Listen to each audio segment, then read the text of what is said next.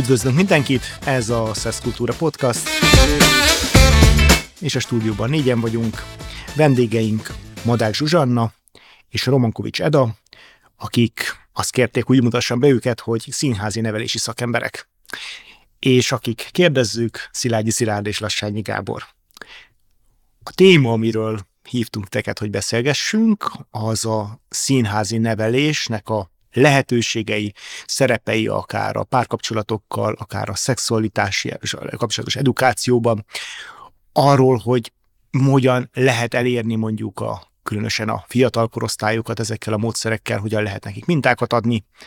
és a helyszín, ahol találkoztunk, az nem máshol volt, mint Debrecenben, ahol idén májusban rendeztetek egy kibővített színházi nevelési konferenciát, a, meg az volt a címe, hogy fókuszban az első szerelem.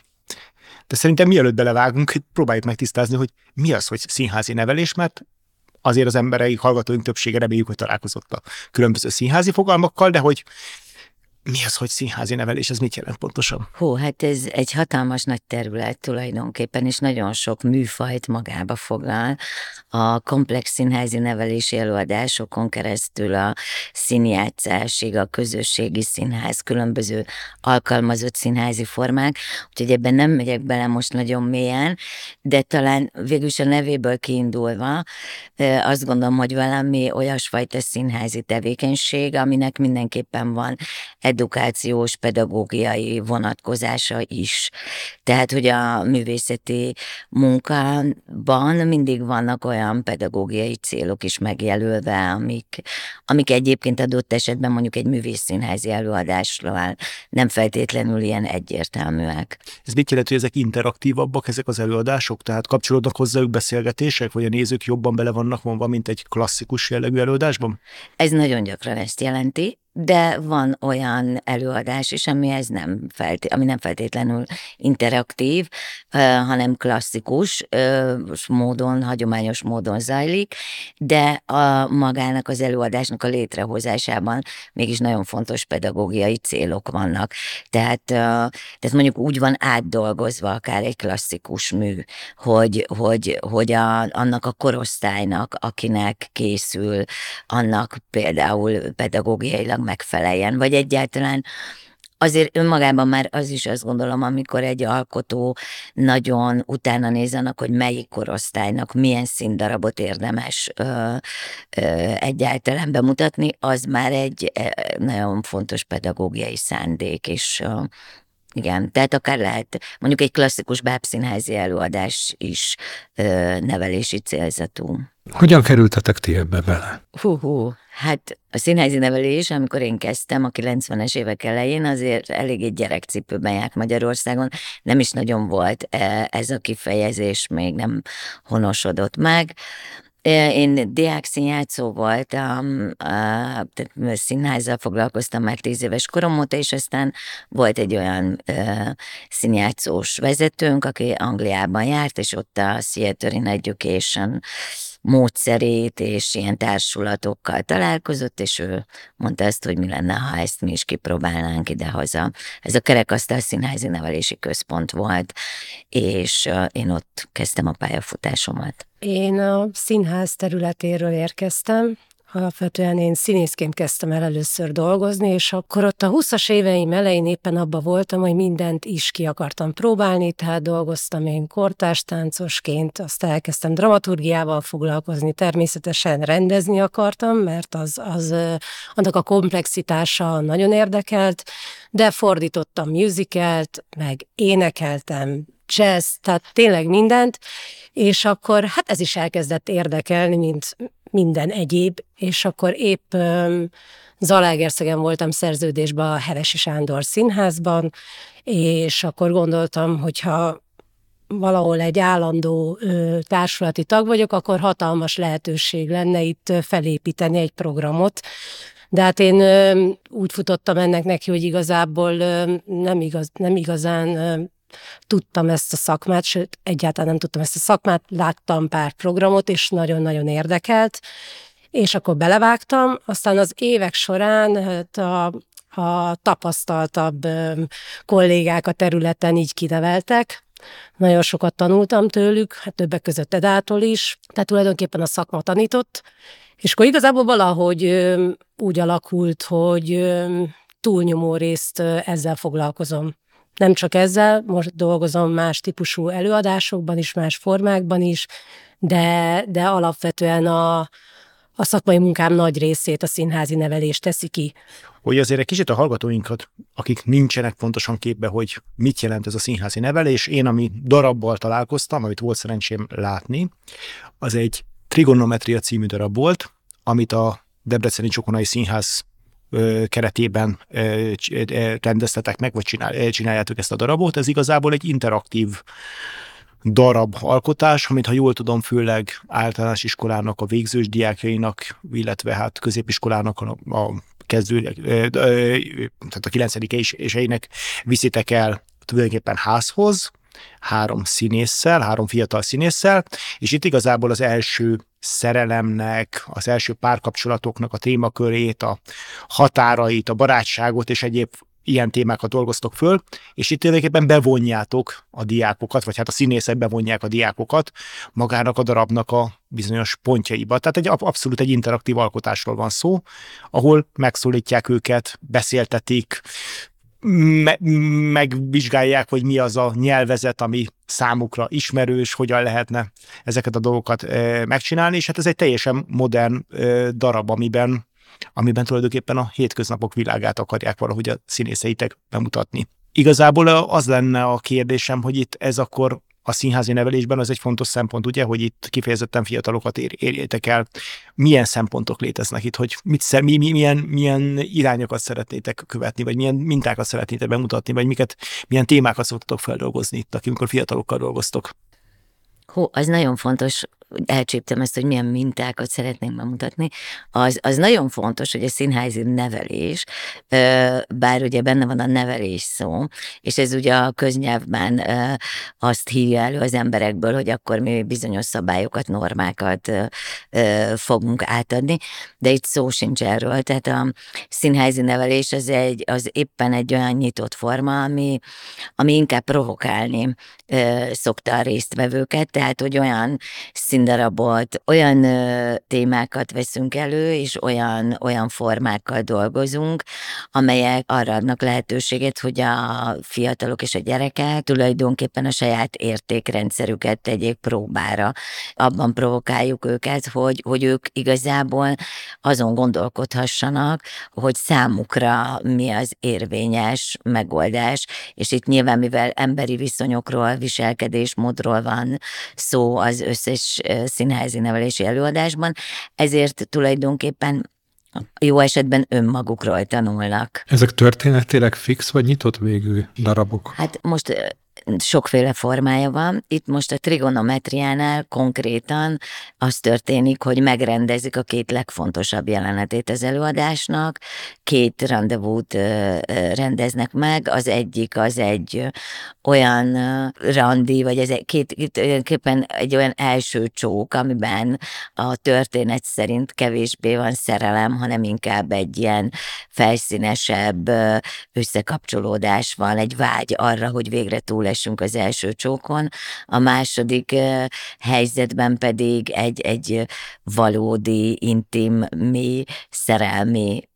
rendezvút rendeznek meg a diákok. És itt nyilván ők vitatkozhatnak egymással, vitatkozhatnak a színészekkel, itt nincsen jó megoldás, hanem arról van szó, hogy minél inkább megvizsgáljuk, hogy melyik viselkedési mód, milyen kommunikáció hova vezet. Ebben az esetben ugye, ha jól tudom, itt a darab ment házhoz. Tehát a iskolákba mentek el a színészek, és ott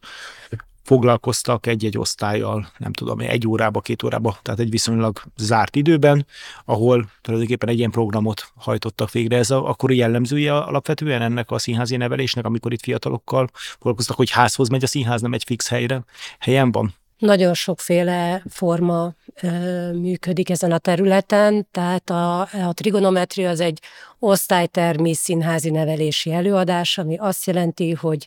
a az osztálynak a termében játsszuk el a történetet, úgy alakítjuk ki a teret, hogy, hogy igazodunk nyilván azokhoz a körülményekhez, amikkel ott találkozunk, ami nagyon izgalmas, mert például ebbe az előadásba ugye fontos szerepet játszik három ablak, és hát minden teremben más ablakok vannak, de ugyanakkor nekik azokhoz az ablakhoz van egy létező viszonyuk, amit ugye átkeretez ez a történet, és adott esetben minden nap, amikor belépnek, akkor lehet, hogy újabb jelentéseket kapott az ablak azáltal, hogy ebbe ebbe játszódott le ez a történet, illetve még, még a két fontos jeleneten keresztül még a záró jeleneteket is, záró jelenetet is megrendezik a, a fiatalok, amik, ami három, az, a három szereplőnknek a három monológiát, amik az ablakokban játszódnak. De, de van olyan formája is a színházi nevelési programoknak, amikor az osztályok bemennek a színházba, vagy egy stúdiótérbe, vagy bárhova tulajdonképpen, ahol fogadják őket a játszók, és ugyanolyan formában, mint itt a trigonometriában, különböző ö, interaktív részekben vehetnek részt. De vannak olyan színházi nevelési programok, hogy mondjuk ö, elmennek, megnézik a, azt a színházi előadást, amit adott esetben mondjuk egy felnőtt néző is megnézhet, és akkor ahhoz készítenek ö, színházi nevelési szakemberek, színházpedagógusok egy ráhangoló ö, foglalkozást, vagy egy utófoglalkozást, foglalkozást, ami segít elmélyíteni azokat a kérdéseket, amiket az előadás vizsgál. Hogyan jutott eszetekbe, hogy ezzel a korosztályjal foglalkozzatok, hogy párkapcsolati kérdésekkel foglalkozzatok, adott esetben mondjuk szexuális edukációval foglalkozzatok? Hát ezzel a korosztályjal foglalkoztunk már nagyon sokat, meg tulajdonképpen a, a óvodásoktól kezdve felnőttekig minden korosztályjal foglalkozunk. Inkább talán az az érdekes, hogy, hogy, hogy ezt, hogy szexuális edukációval foglalkozunk, ezt már évek óta beszéltük a, a Zsuskával is, és, és egyébként más színházi nevelési kollégáim is így pedzegették, hogy mennyire nincs ez a téma valahogy terítéken. Nyilván a politikai társadalmi környezet az nem segített abban, hogy a középiskolásoknak, vagy egyáltalán az iskolába erről gondolkodjunk, de tulajdonképpen egy picit itt azt gondolom, hogy nyilván a szerelem, az első szerelem és a szexualitás az nem választható szét, és a szerelem, mint téma, az még mindig nagyon könnyen eladható, és, és, és az ellen nem szoktak tiltakozni, sem pedagógusok, sem más egyéb oktatási vezetők. Tulajdonképpen mi mindenképpen tudtuk, hogy a szerelemről lesz szó, akkor nyilván a szexről is szó lesz, és hát azt gondoljuk, hogy ez nagyon hiánypótló, mert, mert azt látjuk, hogy egyrésztről van egy nagyon nagy képmutatás, egy prüdéria, ezzel szemben másik oldalról pedig nyilván van egy iszonyatos erős inger, amit a fiatalokat érni, éri a pornó kapcsán, és, és hogy azt hiszem, hogy ez a legrosszabb kombináció, ami lehetséges, hogy látunk valami nagyon, nagyon érzelemtől, érzelmektől mentes, valami nagyon ösztön és, és ösztönös és csak testi oldaláról bemutatott szexualitást, és és közben nem beszélhetünk róla. Tehát, hogy én egyáltalán nem vagyok se pornóellenes, se, se, tehát hogy nem gondolom azt, hogy ez nem, nyilván ez van, és, és nem véletlenül van, és biztos vagyok benne, hogy az én fiaim is, akik én már ö, ivaréred fiúk, biztos, hogy né, néznek, meg találkoznak ilyennel. Nem ez a probléma, hanem pont ez a probléma, hogy erről nem lehet beszélni, és nem lehet valami olyan nyelvezetet találni, amiben, ami, amiben amiben tényleg úgy lehet erről kommunikálni, hogy, hogy segítsük és támogassuk egymást, mert hát azért azt is tudjuk, hogy ezért a szex a legcsodálatosabb dolog az világon, de közben azért nagyon sok nehézséget okozhat, nem csak a fiataloknak. Hogy miért választottuk ezt a témát? Hát igazából azért, amit az Eda mondott, hogy, hogy nem nagyon találkozni ilyen típusú színházi nevelési programmal, vagyis hát, hogy kevés. Többségében inkább fontos társadalmi igazságtalanságokról szóló előadások vannak túlnyomó részt, és, és egyszerűen érdekelt, hogy milyen lehetőségek vannak ebben, mert azt gondolom, hogy a mi szakmánkban nem csak az egy fontos szempont, hogy, hogy természetesen az a legfontosabb szempont, hogy mi az, ami, ami a fiatalokat, gyerekeket érdekli, ami egy, ami egy releváns, fontos kérdés az életükbe, de az is ugyanolyan fontos, hogy minket, alkotókat mi érdekel, mert akkor lesz jó az az előadás, és akkor lesznek jó kérdéseink a fiatalokhoz, hogyha ha alapvetően izgat minket az a téma, és érdekel engem, hogy mit gondol erről egy mai 13 éves. És alapvetően, mivel kevésbé találkoztunk ilyen előadásokkal, nyilván volt egy ilyen hiányérzet bennem, hogy hogy most ezt meg kéne piszkálni, mert, mert nem tudom, hogy, hogy mi van a fejekben, nem tudom, hogy mit gondolnak erről. A, azokat a legyártott, kikozmetikázott tartalmakat, amiket olvastak, azt látjuk. De az nagyon izgatott, hogy ők mit gondolnak arról, hogy milyen ma egy igazi randi. Hogy hogyan, hogyan kapcsolódnak ők. Aha. És tulajdonképpen ezt, ezt a keretjáték tematizálja is, hogy amennyiben azt a kérdést teszik fel fiatal 20 éves színészek, hogy hát amikor ők csókolóztak először, az már 10 éve volt, és hogy lehet, hogy most már egészen másképp történik meg egy Aha. első randi, lehet, hogy most már egy csók nem is annyira fontos, mint akkor volt. Szóval csak erre gondoltam, hogy talán Zsuska is abban gondolkodott, meg így együtt is abban gondolkodtunk, hogy tényleg annyira mások-e ezek világos, a mai fiatalok. Világos, és hát milyen, milyenek, hogyan fogadják mondjuk egy 13-14 vagy egy 15-16 éves korosztály ezeket a témákat, amikor még beviszitek osztályba, vagy amikor ők ezekkel a témákkal ilyen módon találkoznak egy-egy színházi nevelési programon. Magyarán én most nekem az jut eszembe, hogy hát ugye az edukáció szinten, amit vagy megcsinálnak, vagy nem. Hát, hogyha külön van valami fajta fel, úgymond felvilágosító óra, vagy hasonló, akkor általában a fiúkat, lányokat szétválasztották, nyilván biológia órán nem, de máshol meg igen, és hát e, itt viszont hát teljesen koedukált csoportokban egész osztályközösségeknek kéne beszélni, beszélgetni, interaktívvá válni egy ilyen programban. Milyen tapasztalataitok vannak, mennyire tudnak ezek megnyílni? Nyilván akár különböző korosztályok, különböző módokon. Hát természetesen az, az fontos ebben, hogy hogy van felépítve. Tehát az első nyitás az kis csoportokba történik, ami igazából két csapatot jelent, tehát az se annyira kis csoport,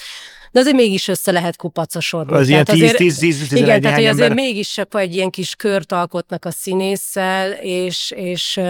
ez, ez nagyba segíti azt, hogy, hogy, hogy felszabaduljanak, és ne legyenek gátlásaik. De egyébként mire arra a pontra eljutunk, addigra már úgy, úgy vesszük észre, hogy annyira mennek az előadással, hogy, hogy igazából nincs, nem, nem igazán gátlásosak. Ami nagyon izgalmas, hogy amikor elindul a történet, akkor, akkor azt látni, hogy tekingetnek hátrafele a tanár felé, hogy most akkor ez szabad, tehát most akkor nekünk szabad arról azt nézni, meg azon gondolkodni, meg ugye az, arra kértek minket a színészek, hogy segítsenek megrendezni a hiányzó jelenteket, amikbe itt csókolóznak, megfogja a fiú a lány mellét, és akkor, és az nagyon izgalmas, hogy a, hogy ez a, hogy a hátratekingetések után már elfelejtik egy idő után, hogy ott a tanár, és, és nem néznek egy idő után hátra, hogy szabad-e. Ugyanez a, a pedagógusok részéről, hogy azok a pedagógusok, akik mondjuk nem ismernek bennünket, ez mondjuk főleg Szatmár Németibe fordult elő, mert elő, ott is meg, megvalósítottuk ezt az előadást magyar és román nyelven is. Ott ugye nem ismertek bennünket, és akkor ott lehetett látni egy-két pedagógusban azt a zavart, pici félelmet, hogy fú, ebből mi lesz, akkor most itt ez, ez, ez most, most komolyan ezzel fognak itt foglalkozni, és, de, és azt is lehetett látni az arcán, amikor azt érzi, hogy nagyon biztonságban tudhatja a fiatalokat, és ugye a színészek nagyon jól vezetik a, a diákokat. Ez Debrecenben kevésbé történik meg a tanárok részéről, mert van egyfajta bizalom a, a színház, a csapat iránt, tehát pontosan tudják, hogy, hogy olyan, olyan előadásokat viszünk a, a diákjaiknak, ami, ami, ami nekik való, és és fontos lehet számukra. Igen, annyival egészíteném ki Zsuskát, hogy az nagyon fontos ebben a műfajban, mielőtt még valaki azt hinné, hogy mi a, a gyerekeknek a ö, szexuális életében ö, turkálunk, vagy nem tudom én, hogy ez ugye ez egy fikciós ö, műfaj abban az értelemben, hogy a gyerekek egy fiktív történeten belül rendeznek, és ez lehetőséget ad nekik arra, hogy teljesen biztonságos körülmények között mondhassák el azt, hogy szerintük hogyan kéne a lánynak, a fiúnak viselkedni, mikor érintheti meg, mikor nem, hol érintheti meg, és mivel ugye van ez a keret, hogy ezt tulajdonképpen ők egy jelenetet rendeznek, ezért nagyon sokszor elfeledkeznek arról, hogy most végül is pontosan mi, mi történik, mert arra koncentrálnak, hogy minél életszerűbb, minél valóságosabb legyen a jelenet. És éppen ezért nagyon bele szoktak menni tényleg a részletekbe, és nyilván a színészek, akik fel vannak készítve arra, hogy ők pedig kérdezzenek folyamatosan, és a leg apróbb dolog, hogy akkor most ő meddig ö, ö, rakhatja rá mondjuk a fiú a, a kezét a lánynak a combjára, hogy hol van a határ, a, akkor ezt megvitatják lányok és fiúk egymással, miközben a jelenetet rendezik. Tehát ezért például szerintem nagyon fontos, hogy koedukált, mert mondjuk a, ha valamelyik fiú azt mondja, nyugodtan rak csak oda föl, és az lány azt mondja, hú, de akkor ez azt fogja jelenteni, hogy te túl durva vagy. Igen, ez azt igen, és mindjárt föl fog állni a lány. Tehát, hogy tulajdonképpen ők egy jelenetet rendeznek, de a lényeg az az, hogy folyamatosan a legapróbb részletig ö, megbeszélik egymással, hogy mi az, ami oké, okay, mi az, ami nem oké, okay, vagy ha valaki túlmegy egy határon, annak milyen következményei lehetnek. És hát azt kell, hogy mondjam, hogy közben pedig, hát ugye a színház az egy iszonyatosan érzéki, mondhatni erotikus műfaj alapvetően is, mert, mert a testtel dolgozik, és én, én legalábbis nem szeretem azt a színházat, ami csak intellektuális, meg nagyon nehezen is tud, max. egy felolvasó színház lehet olyan, de hogy tényleg for, forra levegő, és nagyon-nagyon lehet érzékelni ezt az érzékeséget is, azt gondolom ott, a, ott helyben, ami nyilván időnként zavart nevetésekben jön ki, de, de, de hogy a Zsuska mondta, egy idővel már ott e, e, abban az egy-két órában találnak akár olyan nyelvet arra, hogy itt most hogyan nevezzük meg, akár mondjuk a, azokat a testrészeket, amik, amik, e, amik mondjuk intim testrészek, vagy, vagy, vagy ez intim érintéseket. És szerintem önmagában ez, ez egy nagyon nagyon klassz dolog, hogy erről ők tudnak ott beszélgetni, és hát abban bízunk, hogy ha ez ott sikerül, akkor akár ezt a beszélgetést tovább is tudják folytatni majd. Szuper. Ti elviszitek ugye ezeket a darabjaitokat, vagy, vagy hívjátok olyan helyszínekről is a különböző társadalmi osztályokhoz, vagy különböző régiókban származó gyerekekhez, csoportokhoz. Tehát itt nem csak mondjuk debreceni, belvárosi középiskolákba, általános iskolákba viszitek el, hanem azért hátrányosabb helyzetű régiókban lévő osztályokhoz is. Éreztek-e ebben jelentős különbséget, hogy hogyan fogadják az ottani fiatalok ezeket a darabokat, milyen viselkedési mintákat mutatnak be a darabokon keresztül, mi, láttak-e alapvető különbségeket? A trigonometriát még, még nem nagyon vittük hátrányos helyzetű településekre. Bízunk benne, hogy ebben az évadban fogjuk. Más előadásainknál az a tapasztalat, hogy én olyan nagy szignifikáns különbséget nem látok. Azokban az előadásokban, ahol mondjuk egy, amikben szélsőséges élő, élethelyzeteket látnak a fiatalok, ott talán annyiban igen, hogy nem zaklatja fel őket annyira, mert nem zaklatják fel annyira a látottak, mert hogy ez jelenik meg a környezetükben normaként. Most itt gondolok például, a, amit szintén az Eda írt, a kimondhatatlan előadás, ami a családon belüli erőszakot tematizálja. Ez nem azt jelenti, hogy mondjuk egy belvárosi debreceni iskolában egy ne fordulnának elő bántalmazott gyerekek, de talán ezeken a településeken, ezekben az osztályokban halmozottabban megjelenik, és akkor például ott bizonyos szereplőknek a viselkedését nehezebben kérdőjelezik meg, mert hogy ez elfogadott abban a faluban, tehát hogyha azt, azt lehet hallani a szomszédból, hogy valaki sír, kiabál, akkor az, hogy a szomszéd néni nem tesz semmit, az viszonylag normális. Ennél az előadásnál érzünk különbséget. A többinél, ahol nem, nem ennyire szélsőségesek ezek az élethelyzetek, ott amit, ami talán különbség, de erről sem mondhatom, hogy Debrecenben ne tapasztalnánk ilyeneket, de azt talán az, hogy nagyon hálásak ezekért a, ezekért a programokért. Tehát nyilván ők kevesebb kulturális eseményben tudnak részt venni, ezért például amikor Nyíracsádra begördül a Csokonai Színház kis busza, az egész általános iskola ott lóg az ablakban, már rohannak le, veszik ki a kelléket a kezünkből, hozzák a rajz rajzokat, amiket nekünk készítettek, csomó gyereket nem ismerünk, de tudják, hogy az előző osztályban ott voltunk, és, és, és várnak bennünket, és kérdezik, hogy akkor mikor megyünk a másik osztályba. Ilyeneket azért főleg ezeken a kis településeken tapasztalunk. Említetted, hogy már a 20 éves színészek is lehet, hogy más élményeik voltak az első csókkal kapcsolatban. Ha visszanézünk az időben, van-e hasonlóság vagy különbség mondjuk egy pár tíz évvel ezelőtti tapasztalatok és a jelen tapasztalatok között? Változott-e a fiataloknak a hozzáállása a párkapcsolathoz, a szexualitáshoz? Ugye ezt a színészek a keretjátékban állítják. Igen. Ez egy ilyen provokáció tulajdonképpen, hogy jó, biztos ti már teljesen másképp csináljátok. De a tapasztalat inkább az, hogy nem. A felszínen valószínűleg vannak különbségek, akár abban, hogy lehet, hogy az interneten keresztül ők sokkal több olyan ismeretet szívtak fel, vagy olyanokat láthattak, amit mondjuk a korábbi korosztályok nem. De abban, hogy, hogy amikor én egyedül vagyok egy randin az én párommal, vagy az én szerelmemmel, és először történik meg az első csók, tehát nekem pont ez a csodálatos benne, hogy 30 évvel ezelőtt is ugyanazok a gondolatok futották át, mind a fiú, mind a lány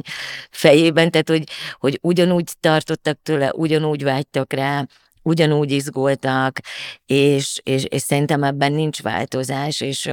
és pont ez az előadás is azt tudja megmutatni, hogy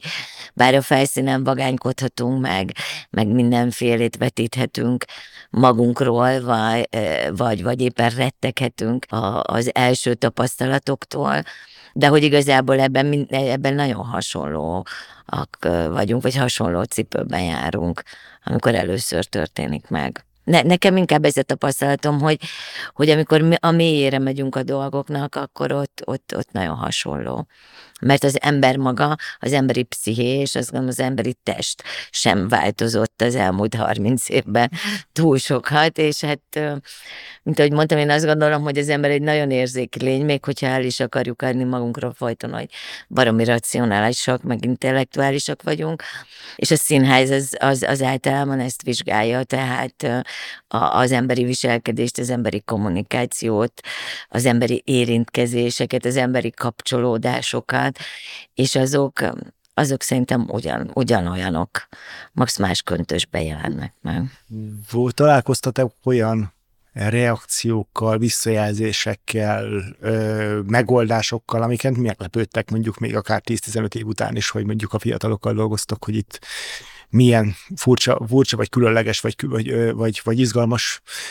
reakciókat kaptok vissza? Nekem nem is azért, mert annyira meglepő volt, hanem egyszerűen annyira aranyos, hogy, hogy, annál a résznél, amikor rendezik azt a randit, ami, ami igazi téttel bír mind a két karakter számára, akkor a fiú karakternek berendeztek egy virágot, ami most adott esetben úgy néz ki, mert nem készülünk különböző kellékekkel, ők bármit kitalálnak, hogy ami, amire szükségük van, van ott papír, szépen összehajtogatjuk, összegyűrjük a virág, és akkor ott volt egy ilyen összegyűrt fecni, mint virág. Elkezdte játszani a színész azt, amit, amit a gyerekek beállítottak, és, és letette a virágot a padra, hogy fölálljon, amikor megérkezik a lány. És a virág leesett. És a kisfiú az ott teljesen elkezdett izzadni, remegni, minden ott izgult, hogy össze fogják taposni ezt a virágot, és az a folyamat, amíg, amíg lemert állítani a jelentet, mert ezt is e, megengedjük nekik, hogyha bármi nem úgy alakul, akkor, akkor nyugodtan állítsák le a jelenetet, és korrigáljanak rajta, ha nem úgy történik, mint ahogyan ezt ők elképzelték, és megbeszélték a színésszel. És akkor az a dilemma, amíg, amíg el, hogy, hogy most leállíthatom-e a jelenetet, mert annyira félek, hogy megtapossák a virágot,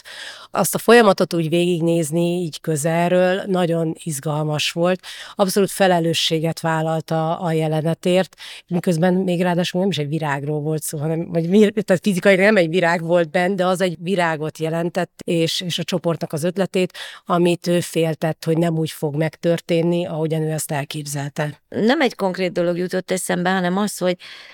hogy ez mindig nagyon meglepő és nagyon érdekes, hogy akár egészen visszahúzódó vagy introvertáltnak tűnő fiatalok, gyerekek egyszer csak így megnyílnak egy ilyen helyzetben, és olyan tapasztalatról tesznek tanúbizonyságot, hogy csak, csak tényleg így néz az ember, hogy hogy mondjuk a nagy szájú, aki rögtön elkezdi rendezni, azt mondjuk egy leállítja, és azt mondja, hogy hó, hát ez egyáltalán nem így van, és ilyet nem csinálhatsz egy első randin és, és olyan éretten tud róla beszélni. És ez nagyon izgalmas, mert nem biztos, hogy azért, mert neki olyan sok tapasztalata van, az is lehet, hogy mert sokkal többet olvasott mondjuk, vagy, vagy, vagy jobban elmélyült az irodalomba, vagy többet beszélget az, a, a szüleivel erről. De hogy nekem az mindig egy baromi nagy élmény, amikor látom, ahogy egymást tanítják, és,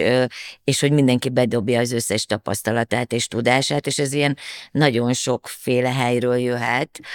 de végül is a cél az mindenképpen az, és az annyira jó látni, hogy, hogy mindenképp azt akarják, hogy ez egy jó randi legyen. Tehát ezt nem kell mondani, és mindig azon dolgoznak, hogy ez összejöjjön, hogy megtörténhessen az az első csók, és hogy az, az mind a két félnek jó legyen. Tényleg néha megdöbbent, hogy mennyire éretten tudnak beszélni róla, vagy így nyilván én már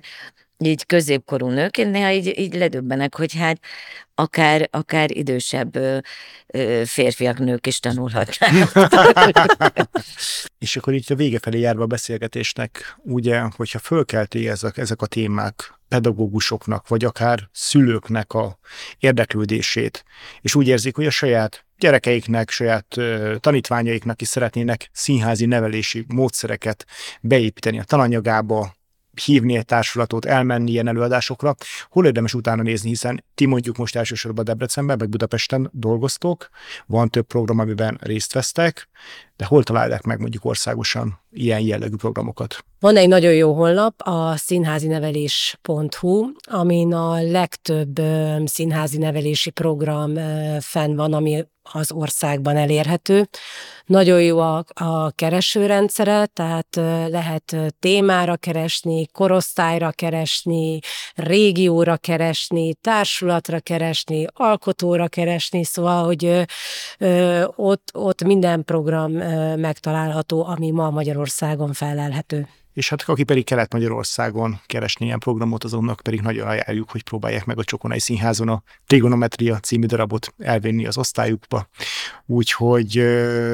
nagyon szépen köszönjük Romankovics Edának és Madák Zsuzsannának ezt a beszélgetést, és ha